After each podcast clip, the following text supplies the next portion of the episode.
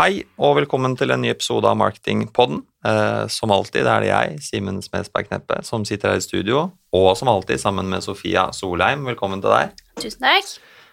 Og eh, vi skal jo også denne gangen eh, snakke med spennende gjester om spennende ting, om lærerike ting. Eh, dagens tema har vi jo snakket om før. Det er en liten stund siden, men det er jo fortsatt like relevant som alltid.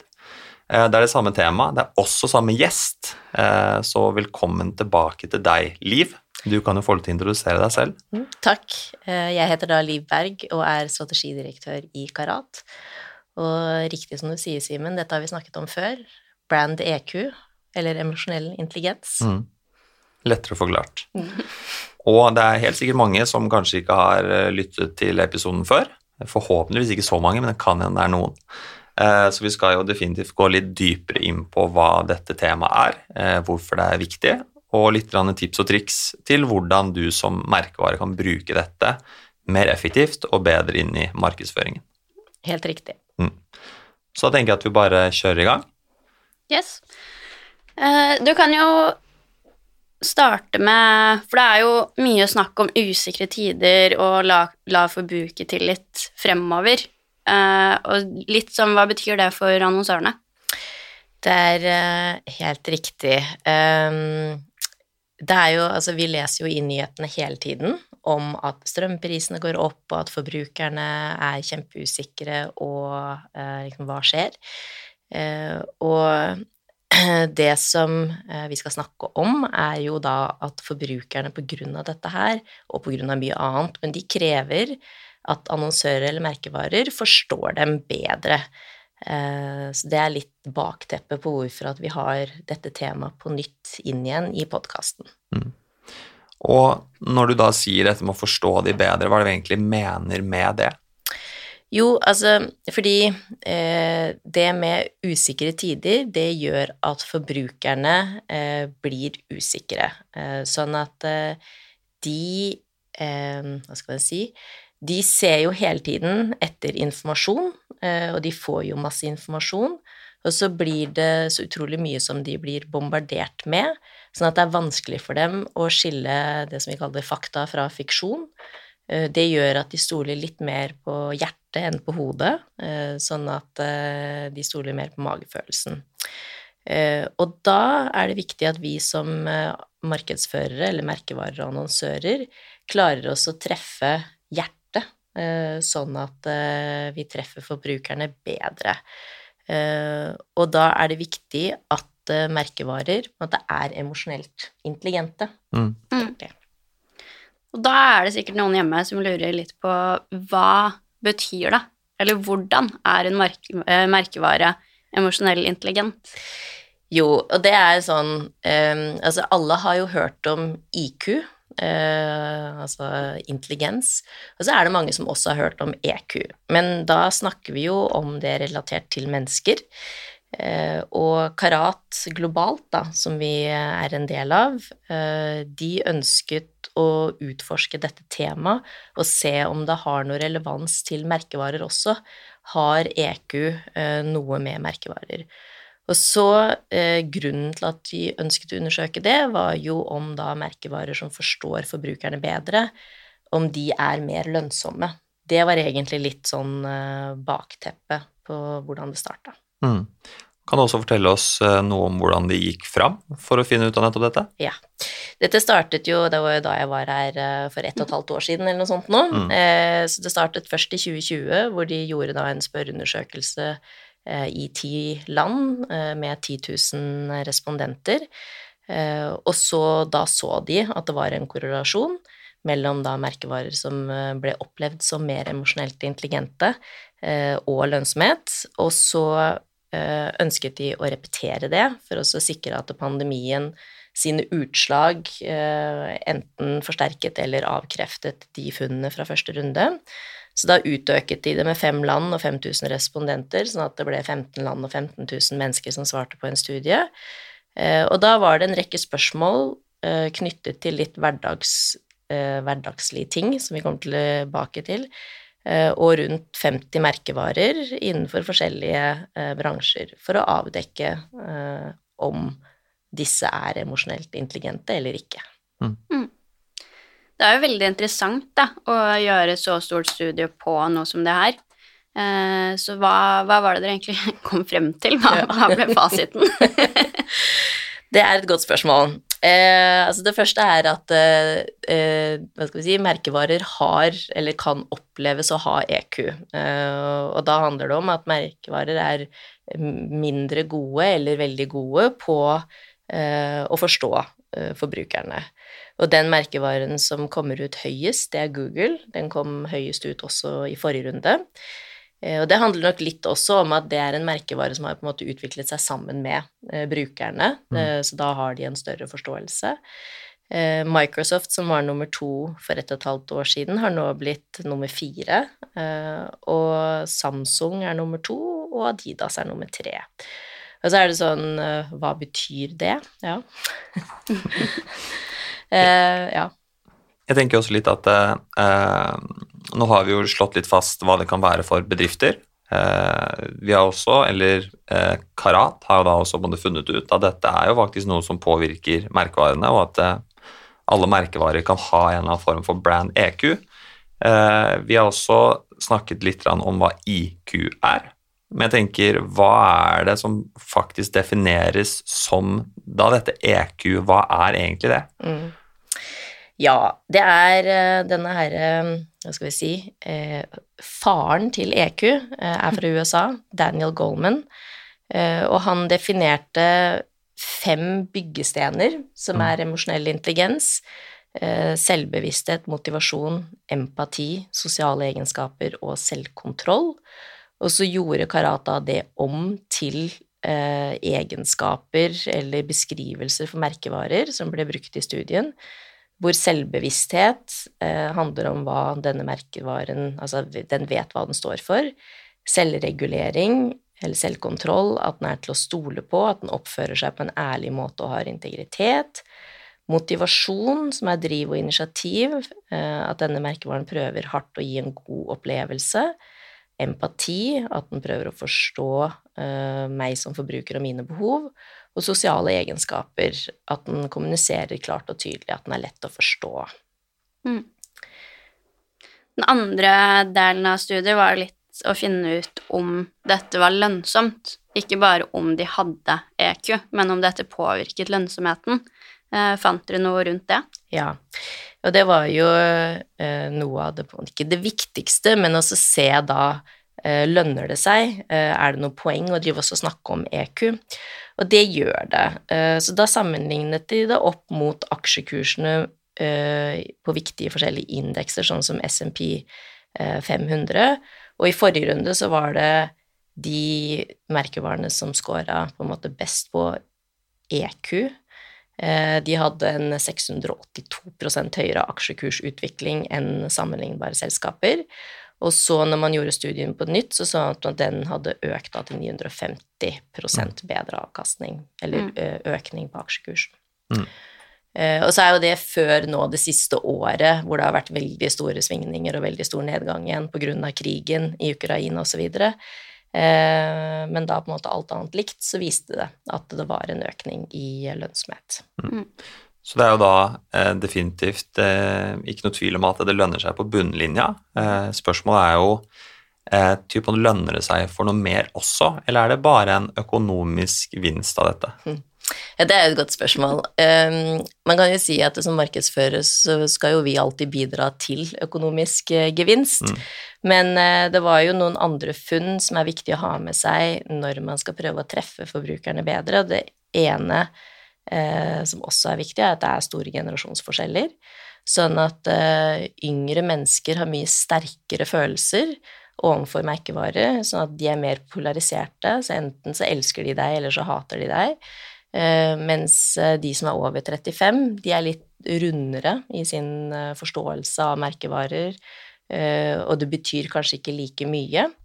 Og så er det ikke så farlig at noen elsker eller hater deg, eh, men det som er viktig, er at man vet på en måte hva målgruppen som man skal rette seg mot, synes, og så agere ut ifra det, da. Mm. Så det er sikkert veldig mange nå som lurer på hvordan kan man oppnå god EQ hos seg selv, da. For det er jo veldig åpenbart at det er mange goder rundt det. Det er økonomiske lønnsomheter. Rundt liking er det eh, fine muligheter for å bli bedre likt av de i målgruppen. Men hvordan skal man klare å oppnå det her? Eh, forrige runde jeg var her, så tror jeg det var elleve tips til å Mm. bli en eh, bedre eller mer emosjonell merkevare. Eh, Denne gangen så har man kokt det ned til eh, seks ganske tydelige tips. Og så er det ikke noe sånn quick fix, sånn at når vi går ut herfra i dag, at alle sammen skal bli mer EQ. Men eh, det første er at man må ha det man kaller en tydelig mål og mening. På det engelske så bruker man ordet purpose, men det handler om altså, posisjonen til merkevaren, og at uh, den posisjoneringen uh, har et tydelig verdiforslag, sånn at folk opplever at merkevaren har en verdi. Så det er nummer én. Og nummer to, den er en enkel historiefortelling. Og det er sånn som er lett å si, vanskelig å gjøre. Eh, så du kan ha så tydelig posisjon som du bare vil, eh, men det er sånn som kan bli borte f.eks. hvis det er mange avdelinger med forskjellig budsjettansvar. Så da er det viktig at man er egentlig streng på forvaltning av budskap og det merkevaren står for, og de forskjellige merkevareelementene, eh, sånn at man har en tydelig porteføljestrategi. Og det er jo kanskje av de på måte, punktene vi som også typ, må jobbe ganske tett med det, ser at det her nokså mange spriker. At man ikke klarer å være tro nok til et kommunikasjonskonsept over lengre tid. Mm. Fordi man kanskje ikke ser at det flytter noe på kort sikt. Mm. Eh, som igjen nå støtter opp under dette med vær tro til konseptet. Eh, ikke bare fordi at eh, både reklameoppmerksomheten i seg selv skal være god, men da også da fordi at brand EQ-en også både potensielt løftes over tid. Helt riktig. Veldig bra. Nummer tre, den er eh, hva skal vi si, litt mer innsiktsbasert. Altså dette med å skille mellom data og innsikt. Eh, jo mer og mer verden blir digitalisert, og markedsføringen også blir digitalisert, så har vi jo ufattelig mye data. Men eh, all den dataen, den blir ikke innsikt av seg selv. Og det er jo når du forstår dataen, at du kan gjøre eh, noe med den, at du kan dekke og møte behov bedre. Sånn at eh, det er én ting, altså vær veldig bevisst på hva du har, og bruk det eh, når det har blitt innsikt. Og så kan det være at eh, noen ganger det hjelper å bruke litt penger på kvalitativ research i tillegg, så ikke Mm. bare på en måte signaler som man har plukket opp digitalt. Ja. Eh, og få hjelp av eh, innsiktsbyråer til å tolke det eh, Mm. egentlig. Og her vil jeg jo, eh, her vil jeg jo anta at eh, altså, måte hva man sitter på av på systemer eh, og ikke minst prosesser, også til å prosessere dataen også er veldig viktig. At det å bare sitte på masse data eller masse innsikt i seg selv er jo hva si, Det er for så vidt fint, det, men hvis du ikke har en god måte å anvende det på, eh, så er det kanskje litt bortkasta. Helt det jo riktig. kanskje Kanskje ikke helt bortkasta, men nesten. Nei. Så går det kanskje litt tilbake til punkt én, det å ha et tydelig mål. For det er sånn, hva vil du med denne dataen, hva skal du måle på? Mm. For det er jo litt det, man kan jo ikke måle på alt, man må jo ha litt klare mål og meninger på dette vil vi oppnå. Ok, da har vi denne dataen, og det kan vi bruke den til, da, for Mm. å få litt mer flyt i prosessen. Veldig bra. Det er helt riktig. Så det er det å ha en si, en slags datastrategi, rett og Mm. slett, mm. som støtter opp under posisjoneringen og det man ønsker å oppnå i markedet. Og så nummer fire, det er å etablere dynamiske kundereiser, altså eh, kundereiser som eh, støtter opp under eh, behovene til folk. Så eh, som jeg nevnte, en av disse her byggeklossene handler om motivasjon. Eh, altså at eh, merkevaren har en driv, og at den står for noe. Og da må man hele tiden tenke på kontinuerlig forbedring i kontaktpunktene som folk møter eh, din merkevare. Og så er det sånn eh, eh, Kundereisene er jo ikke statiske, og vi går inn og ut i forskjellige deler. Så derfor er det viktig at man har det samme rammeverket eh, for eh, kundereisen som man oppdaterer eh, underveis, og så ser hvordan man møter forbrukerne. Og så er det viktig å kartlegge hvilken teknologi og igjen tilbake igjen til data, uh, som man kan lese i de eh, kontaktpunktene, for å prøve å gjøre kundereisen mer personalisert, uh, og bruke forskjellig innhold for å treffe relevant. Ja. Og så nummer fem, uh, gjør noe godt for omverdenen. Og da er det tilbake igjen til det med tillit og integritet. Så det er utrolig viktig at merkevarer uh, oppleves som uh, altså transparente, og at de, de, holder det de lover. og så er det da viktig å gjøre noe. men det er ikke alltid like viktig å si mm. det man gjør. så det er en sånn mm. en distinksjon der. Mm. Og dette har vi også snakket om på tidligere, når vi snakket om bærekraftig kommunikasjon. Eh, nettopp det du sier der, at eh, selv om man gjør noe, så skal man ikke nødvendigvis snakke så høyt om det. Eh, for at hvis du gjør noe, og det du gjør er riktig, så vil det mest sannsynligvis bli lagt merke til av de som har lyst til å like deg, eller av de som mm. ender opp med å nettopp like deg. Yeah. Og her igjen er det kanskje dette med at brand eco er viktigere for generasjoner. At det er noe på en forskjell blant de eldre og blant de yngre. Så er jo kanskje det her et av de punktene som kanskje er viktigst, vil jeg tro, for de som er litt yngre. Eh, fordi det eh, typ, liksom, skiller seg så veldig ut på den hvis de gjør noe, så er det veldig bra. Hvis de ikke gjør noe, så er det kanskje veldig dårlig. Mm. Eh, som da blir den elsk-hat-forholdet mm. til en type merkevare.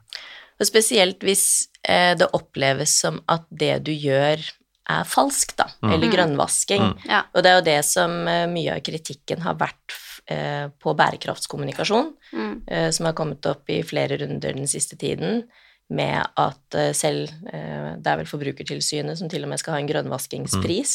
Mm. Ja.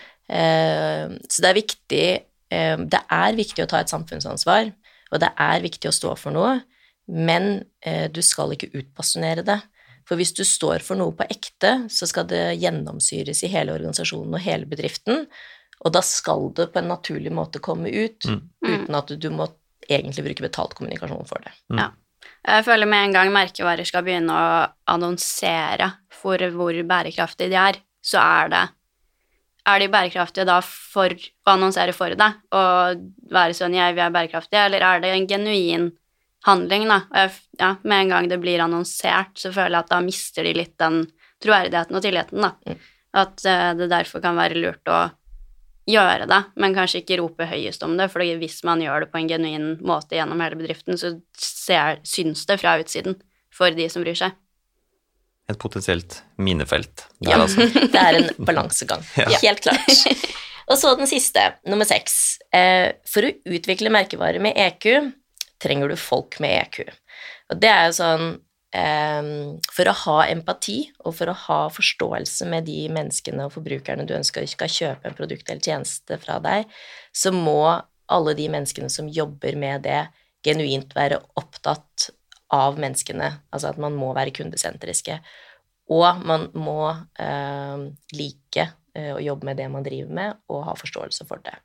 Sånn at eh, når menneskene har en genuin altså, empati og forståelse eh, rundt kundene, så vil eh, man da dekke behovene mye bedre, eh, og da vil man oppleves med en gang som man har mer EQ.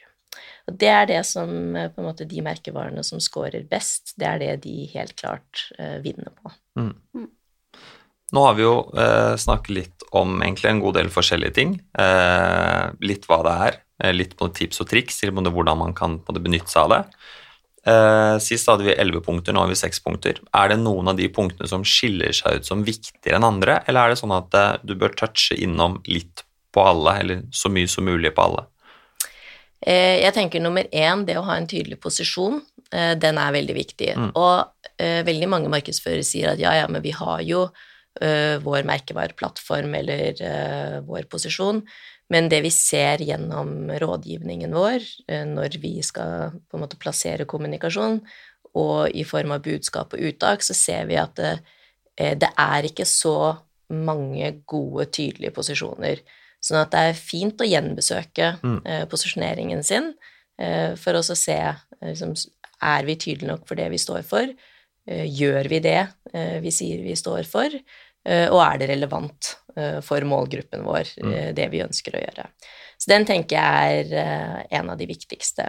Og så nummer to er den med historiefortellingen. Mm. Fordi du kan stå for noe fint og flott, men får du det ikke fram, så er det nesten bortkasta. Mm. um, og så er det, tenker jeg også den siste, det å ha folk som genuint bryr seg om eh, forbrukerne. Mm. Så bra. Eh, Jeg tenker at eh, det var det vi rakk for nå. Nå har jo lytterne våre fått gode 20 minutter eh, med veldig mye læring, veldig mye informasjon. Så jeg tenker helt til slutt, hvis man ønsker å vite enda mer om dette her, hvordan skal vi få lest mer, hvordan skal vi få vite mer, er det noe vi kan kontakte? Har du noen veier å guide lytterne våre her? Ja, karat.no, flott sted å starte. Der eh, er eh, rapporten eh, i sin helhet, hvor man kan fordype seg. Det Mm. kommer også flere delrapporter. Allerede i neste uke så kommer det en som går dypere inn på selve generasjonsforskjellene, så det kan være interessant. Og ellers er det jo selvfølgelig å ta kontakt med enten, hvis man har en kunderådgiver i Karat, med den, eller med meg. Så bra. Ja. Da tenker jeg at det var det for i dag, og tusen takk til deg, Liv, for at du kunne stille opp. Tusen takk for at jeg fikk komme. Da høres vi. Ha det bra. Ha det. Hei.